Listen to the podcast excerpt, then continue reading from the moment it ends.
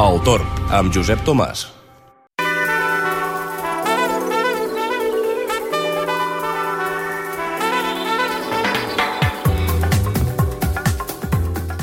Doncs comencem amb aquest programa de cap d'any i després repetició el proper dissabte a dos quarts d'una del migdia. I tenim en Roger Soler que avui ens farà doncs, una explicació força extensa de diferents conceptes meteorològics que en dies com aquests mm, ve molt de gust doncs, escoltar, prendre nota i aprendre una mica més de meteorologia. Roger, bona tarda. Bona tarda, Josep, i bon any a tu i a tots els oients. Igualment. Uh, tenim diverses coses. Eh? Avui tenim un programa, podríem dir, més vistès. Per començar, volem parlar d'una mica de meteorologia i lingüística, de meteolingüística, perquè és curiós veure com un mateix fenomen rep diferents denominacions uh, en funció de la vall o de la regió. Parlarem mm -hmm. del torb, de com es diu el torb a pràcticament en cada comarca o cada racó del Pirineu. Té més de 10 noms, Josep, imagina't, eh? Imagina't. I també hi ha alguns petits matisos de, de significat que també ens intentarem aclarir o, o explicar. Parlarem també de, de la nevada, aquesta nevada la més important de la temporada que es va produir per Sants Innocents, que no va ser una nevada gaire innocent, va ser bastant important. Uh -huh. Parlarem de, de, de les disparitats i de les irregularitats que va provocar aquesta nevada al Pirineu. Molta diferència en funció de la zona i en poca distància. I en tercer lloc, també volem parlar de per què no es va complir del tot la ventada tan extensa i tan potencialment perillosa que estava pronosticada a Catalunya. Uh -huh. De, per què comencem? Doncs vinga, uh, comencem potser per això de la ventada, et sembla bé?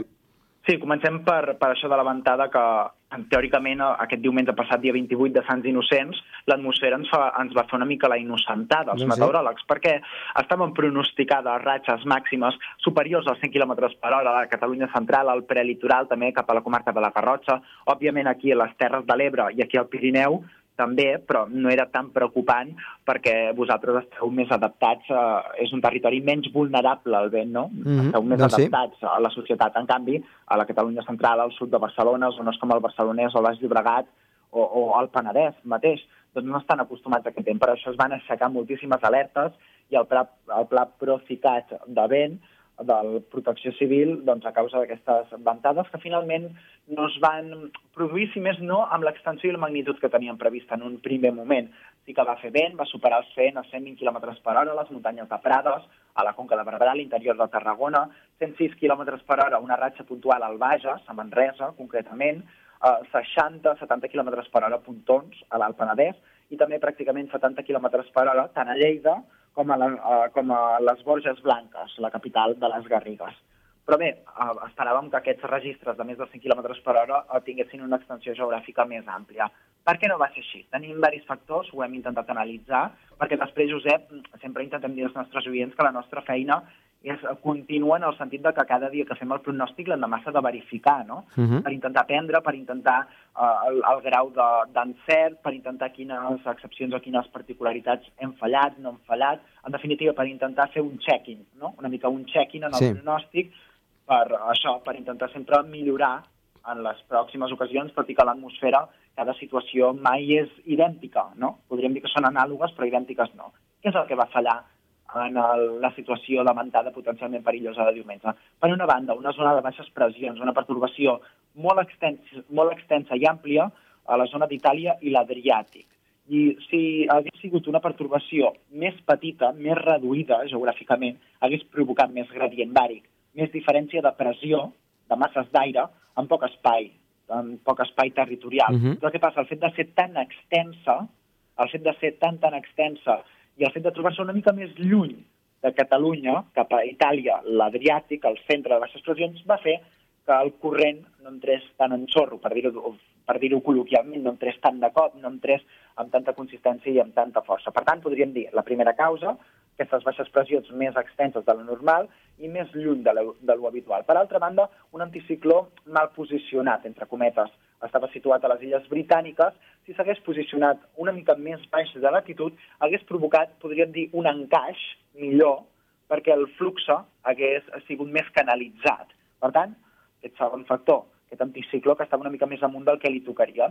I podríem dir el tercer factor, que seria la conseqüència, la conjunció d'aquest puzzle, d'aquesta configuració, és que faltava gradient bàric, faltava um, diferència de pressió amb més espai. Per tant, aquesta, aquest gradient bàric existent, però no suficient, va ser el responsable d'aquest vent, podríem dir, no del tot extens com en un principi teníem pronosticat.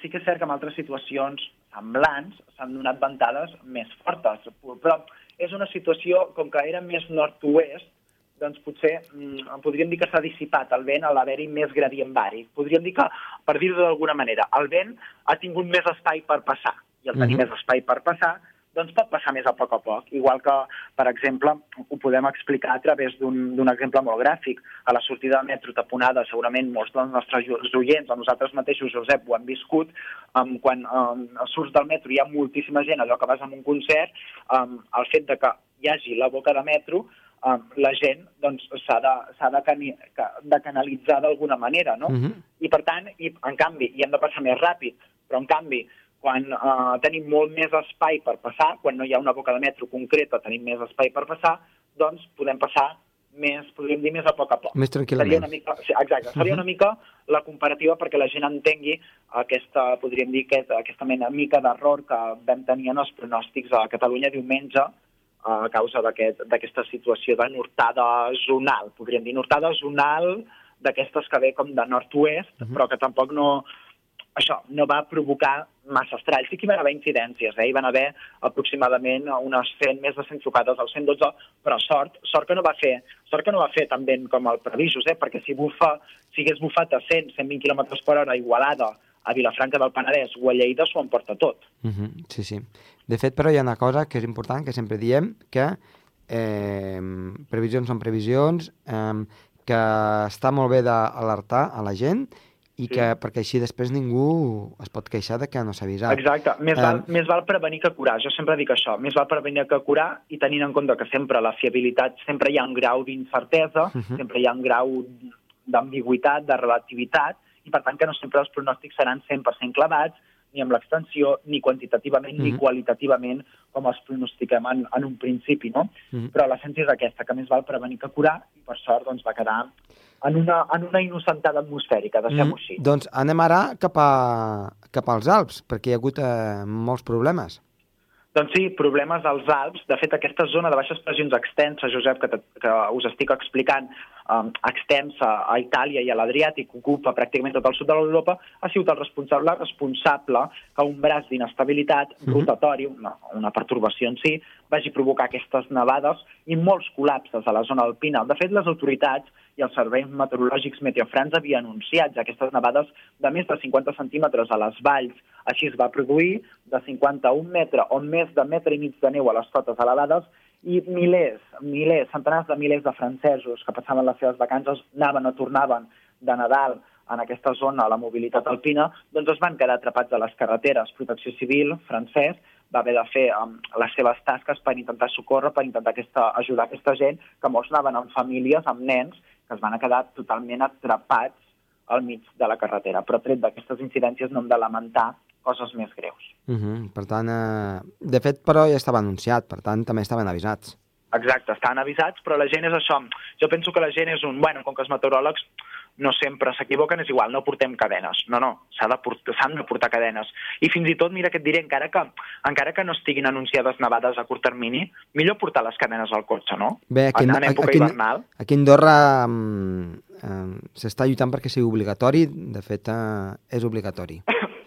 Doncs sí, doncs així és i realment... Em, em comenten és, que és per llei, és per llei de que... És per llei, sí, és cert, és per llei i multen, multen els conductors que no vagin amb cadenes. Uh -huh, doncs mira. Multen, i ho vaig viure personalment fa aproximadament tres setmanes per la Puríssima, quan, Mm. quan hi va haver una nevada de nord, també recordem que a partir de Canidos necessitaven cadenes, els cotxes no en portaven i la policia anava parant els cotxes per multar-los. Mm, doncs- Cadenes o equipaments, eh? O sigui, rodes de contacte. Sí, sí, a cadenes o equipaments, Mm. ens referim. Vale, merci per, per l'incís, perquè els equipaments doncs, també podrien fer la mateixa funció. No? Mm, també hem de parlar, sí. Josep, d'aquesta nevada, aquesta segona nevada de jet important de Nortada, que per què va provocar irregularitats i tantes disparitats en els gruixos de neu. A, a la Seu d'Urgell no va nevar res, tret del torb que sí que potser va arrossegar allò que voleies quatre volves de neu de- d'aquí d'Andorra va baixar fins a la Seu, però el que és nevar no va nevar a la Seu d'Urgell. En canvi va anar- arribar a nevar fins a la frontera del riu Roner i a Puigcerdà van caure entre 8 i 10 centímetres. Per què tanta disparitat? Per cert, també hem d'explicar que a Vallnòria i Gran Valira entre 80 i 100 centímetres, un metre de neu. També al voltant de 60-80 centímetres zones de la Vall d'Aran, com Baqueira Baret. En canvi, a Isabarre, que es troba en una vall del Pallars Sobirà, 4 centímetres. Per què aquestes disparitats? Hem de fer referència a com, és a dir, com entra la massa d'aire. Va ser una nevada, podríem dir una nortada, però no la típica nortada amb el jet, el corrent en jet, ho hem explicat moltes vegades, però ho refresquem, és, eh, podríem dir, el responsable que genera les pertorbacions i les ondulacions de les masses d'aire a les capes altes troposfèriques i és un corrent en xorro, corrent en xorro, es diu en castellà, de 400 km per hora, quasi res, eh? 400 km per hora dalt, que podríem dir que aquest vent provoca aquestes ondulacions. Doncs bé, um, per pronosticar, ho hem explicat també, si una nevada pot arribar a la frontera del riu Roner, hem de veure com entra aquest corrent en jet i fins on entra, i si passa per sobre la vertical d'Andorra. Si passa per sobre la vertical d'Andorra, és molt probable, si uh, no falla la humitat, doncs que la nevada arribi fins a la frontera del riu Roner. Com anava el corrent en jet aquest diumenge 28 de desembre de Sants Innocents? Anava, passava diguéssim, um, pel Pirineu i per Catalunya, però no d'una manera vertical, no d'una manera perpendicular, sinó que passava, podríem dir, esbiaixat. Passava transversalment, com, mhm. no horitzontalment, però no, no del tot verticalment, com si, com si marqués una agulla del rellotge, com si marqués tres quarts de cinc o les cinc menys deu, per, uh mhm. -huh. per entendre'ns, eh? que passa com en diagonal. I el fet de que passés en diagonal eh, va provocar que en algunes zones nevés moltíssim, com la de Cerdanya, el Capcí, aquí al nord d'Andorra, l'Arieja, també cap a la Vall d'Aran, però en canvi, algunes zones concretes de vall, de les zones més fondes, com la Seu d'Urgell, com Issabarre, que aquí sí que van caure 4 centímetres, doncs quedessin més arrasarats, més resguardats d'aquest corrent en jet i, per tant, amb menys humitat i, per tant, també amb ombra pluviomètrica. Aquesta situació de jet eh, podríem dir, de corrent en jet de nord zonal, nord zonal, que hem explicat d'aquesta aquest, mena transversal, o, o, o podríem dir no del tot vertical, doncs va fer que hi hagués aquesta ombra pluviomètrica molt, molt marcada entre el fons de les valls del vessant sud uh mhm. -huh. i eh, la mitja alta muntanya del vessant atlàntic. Per tant, aquestes diferències de 0 centímetres a la Seu d'Urgell amb més d'un metre de neu uh, a Gran Valira. Per tant, uh, en línia recta no hi ha més de, de, de 50 o 60 quilòmetres. La, la, les diferències en la nevada van ser bastant, bastant considerables, eh, Josep? Doncs sí, doncs sí, és, és un fet d'estudiar, sobretot això, el tema aquest d'entre de, el Seu i Puigcerdà, sí que estan a diferents alçades, però aquí es sí. veu una mica aquest, eh, aquesta entrada en diagonal, o com tu has dit, a les 10 menys 5, de, sí. de la corrent en jet que fa que a Puigcerdà i nevi, en canvi aquí a la Seu d'Urgell doncs no, no arribi res. Exacte, i s'haurà de tenir en compte de cara a les pròximes situacions a veure, podríem dir, amb quin angle, uh mhm. -huh. amb quina incidència entre aquest corrent en jet no? de si entra d'una manera més obliqua, doncs provocarà aquestes disparitats. Nevarà a Puigcerdà, però potser no nevarà a la Seu d'Urgell mm. i sí que nevarà a tot Andorra fins a la frontera del riu Roner perquè entrem dins de la zona d'influència d'aquest corrent en jet, podríem dir transversal. Mm. I si entra un corrent en jet vertical perpendicular al Pirineu, si la humitat acompanya, doncs tant nevarà a Puigcerdà com a la Seu d'Urgell podríem dir amb, amb una massa d'aire més homogènia, per tant, mm -hmm. amb uns gruixos no tan dispars. Seria així, no, una mica? Doncs sí, eh, ho continuem estudiant perquè segurament ens trobarem amb més eh, corrents en jet d'aquestes al llarg d'aquest any. Mm, has estudiat mai o has vist mai un corrent en jet d'aquesta manera, podríem dir, transversal, però que en comptes que entri des de l'Atlàntic, que entri des del Golf de Lleó? Home, des del Golf de Lleó, mmm, jo no recordo. Sí, sí de component sud, de component sud sí, que és quan sí. hi ha aquests fogons tan forts a la zona... Al vessant atlàntic, al, sí. Al vessant atlàntic, i que aquí el que porten és eh, precipitacions, perquè ve tot el Mediterrani, i aporten -huh. grans ventades que també són molt dolentes, eh, les de component sud, a les quals vale. no s'està tan acostumat. I porten precipitacions, sí, sí, sí. les típiques, aquestes de, del Pirineu, que deixen 100 i, i 200 litres per metre quadrat a vegades clar, sobretot en el vessant sud, no? que fa com d'efecte pantalla a les muntanyes mm -hmm. que retenen la precipitació. Exacte. Doncs bé, ho anirem estudiant a veure els angles d'incidència de cara a les pròximes nevades aquesta temporada, que esperem que n'hi hagin unes quantes més. Esperem que sí. Roger, i parlant de corrents en jet i de vent, eh, sí. vols parlar també del torb, d'aquest vent? Sí, perquè mira, si, si realment la meteorologia és complexa, eh, podríem dir molt rica i molt diversa, clar, la meteorologia cau sobre les regions i, per tant, el territori, la societat, la gent, les persones tenen diferents denominacions també molt riques, tenim una lingüística molt rica aquí al Pirineu, a Catalunya, en general en català, de, de diferents denominacions, però pràcticament d'un mateix fenomen.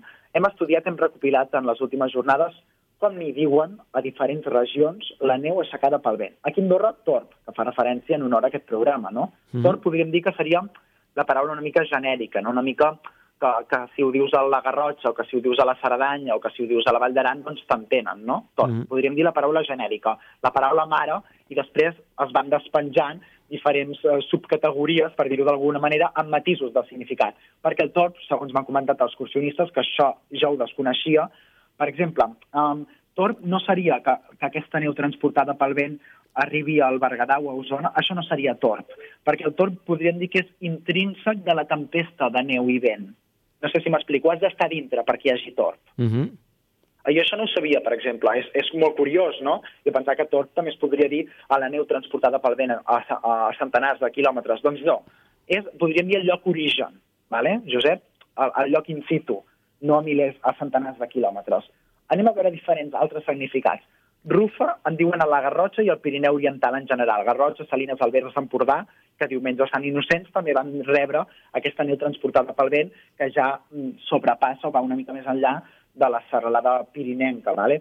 I rufa, mm, podríem dir que és aquest concepte de, literal de la neu transportada pel vent, però que no estàs a dintre, com el tot, que, estàs a, que, que viatja, aquesta neu viatja, és empesa a desenes de centenars de quilòmetres. El Pallars Sobirà, segons el Marc Cortina, un company de Valmés Blancs, eh, en diuen terbolina, terbolina, en així en pallarès, terbolina, no sé si et sonava tu això. No. Doncs també seria aquesta neu aixecada pel vent. Mm. El Berguedà, el Prepirineu barceloní, en diuen rufagada, rufagada.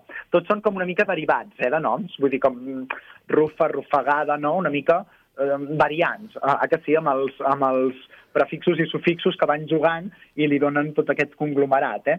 Per exemple, en, en un noi de, de Benasc, el seu pare és de Benasc, del Vall de Benasc al Pirineu d'Osca, en diuen Turberes, en patuès, en patuès, que seria el dialecte que es parla a la vall de Benasc. Si no vaig malament, és un dialecte que, que prové del, de l'aragonès, eh? de l'aragonès que es parla... I del, del francès també. I el francès, perfecte. Occità, vaja.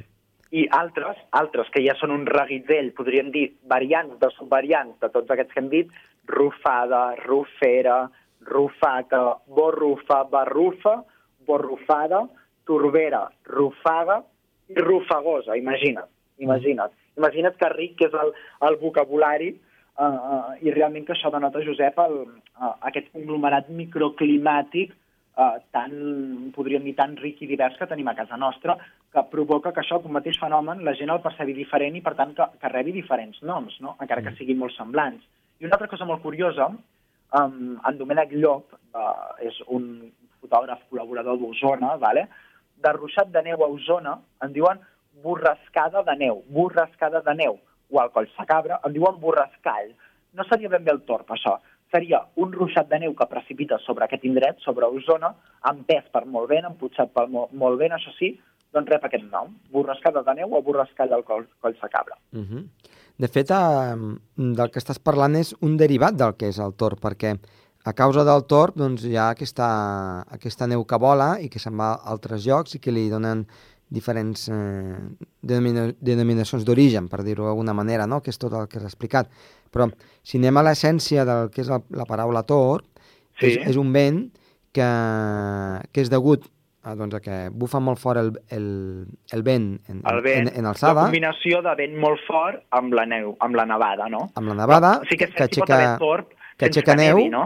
que aixeca neu i que la neu fa que hi hagi menys de 100 metres de visibilitat Sí. I que el, que el vent bufi a més de 100 km per hora i la tercera mm. condició és que hi hagi una temperatura de 12, menys de 12 graus sota zero. Qui Ai, diu... sí, i si està per sobre dels 12, és a dir, si hi ha més de 12 graus de sota zero, és a dir, fa menys fred de 12 sota zero, no es diu tot, llavors. Bé, eh, és difícil dir-li torb o dir-li qualsevol nom, no? Aquí, quan ah. ja estem sota zero, a l'alta muntanya, 5, 6, 7 graus sota zero, no hi ha visibilitat, ja se n'hi diu torb. Però, clar, clar, clar, està clar. però la definició oficial, eh, si no m'erro, és aquesta. És de 10-12 graus sota zero, 100 km per hora i visibilitat menys de 100 metres. De, de, també hi ha una altra cosa, eh, un altre vent, que es diu Sí. Condition One, no sé si et sona, que No. està, està situada al, al Pol Sud. I Sí.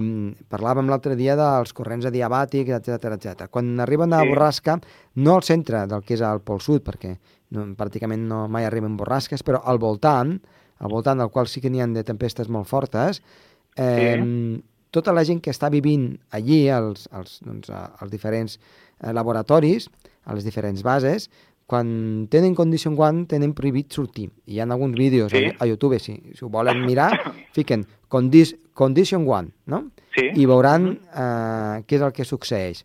Eh, és, un Vale. ve, és un vent que va eh, també a més de 100 km per hora, inclús crec que n'hi diuen eh, un, potser una mica més, potser 160 km per hora, de vents Déu-n'hi-do, eh? Que això es, es dona, eh? eh Temperatura de menys de 60 graus sota zero Sí. i visibilitat de menys de 100 metres. Llavors, És a dir, que millor que no sortís de casa. no, està, en teoria està prohibit sortir de, del teu laboratori o del, del lloc on estàs, perquè Clar. eh, si et perds, només que et perdes I com es diu això, com has dit que es diu aquest vent Condition One? Condition One, això ho diuen els, els, els americans, eh? eh i, li, Bueno, és molt curiós, sí, li han sí. posat aquest nom, Condition One vol dir que és eh, al- a l'extrem de l'extrem de l'extrem. L'extrem de l'extrem. La crem de la crem, diguéssim, Sí, eh? clar, el torb eh, al seu costat és un ventet que, vaja, no els fa ni pessigolles, no? Amb, Clar. amb, amb aquest aspecte. Però sí que és curiós veure doncs, com, com a diferents punts del món existeix doncs, eh, aquestes, aquestes situacions meteorològiques doncs, doncs, tan i tan adverses. Doncs, eh, Roger, hem, hem après molt avui també doncs, de, de com es denomina doncs, amb, aquest, amb aquest tor, amb aquests elements que aixeca la neu eh, arreu, arreu d'aquí del Pirineu. Eh... Que per cert, si els nostres, si els nostres oients, Josep, um, saben algun nom més o tenen en cartera algun nom més, que contactin amb nosaltres a través de meteorroba.rtb.d o a través del nostre Facebook, tant el temps d'Andorra com el del Torpa, que sí? I tant, i així doncs, doncs anem, anem ampliant una Anem mica eh? aquest diccionari meteolingüístic. Roger, eh, que acabes de, de passar una bona festa. Igualment, que vagi bé. Adeu. Adeu.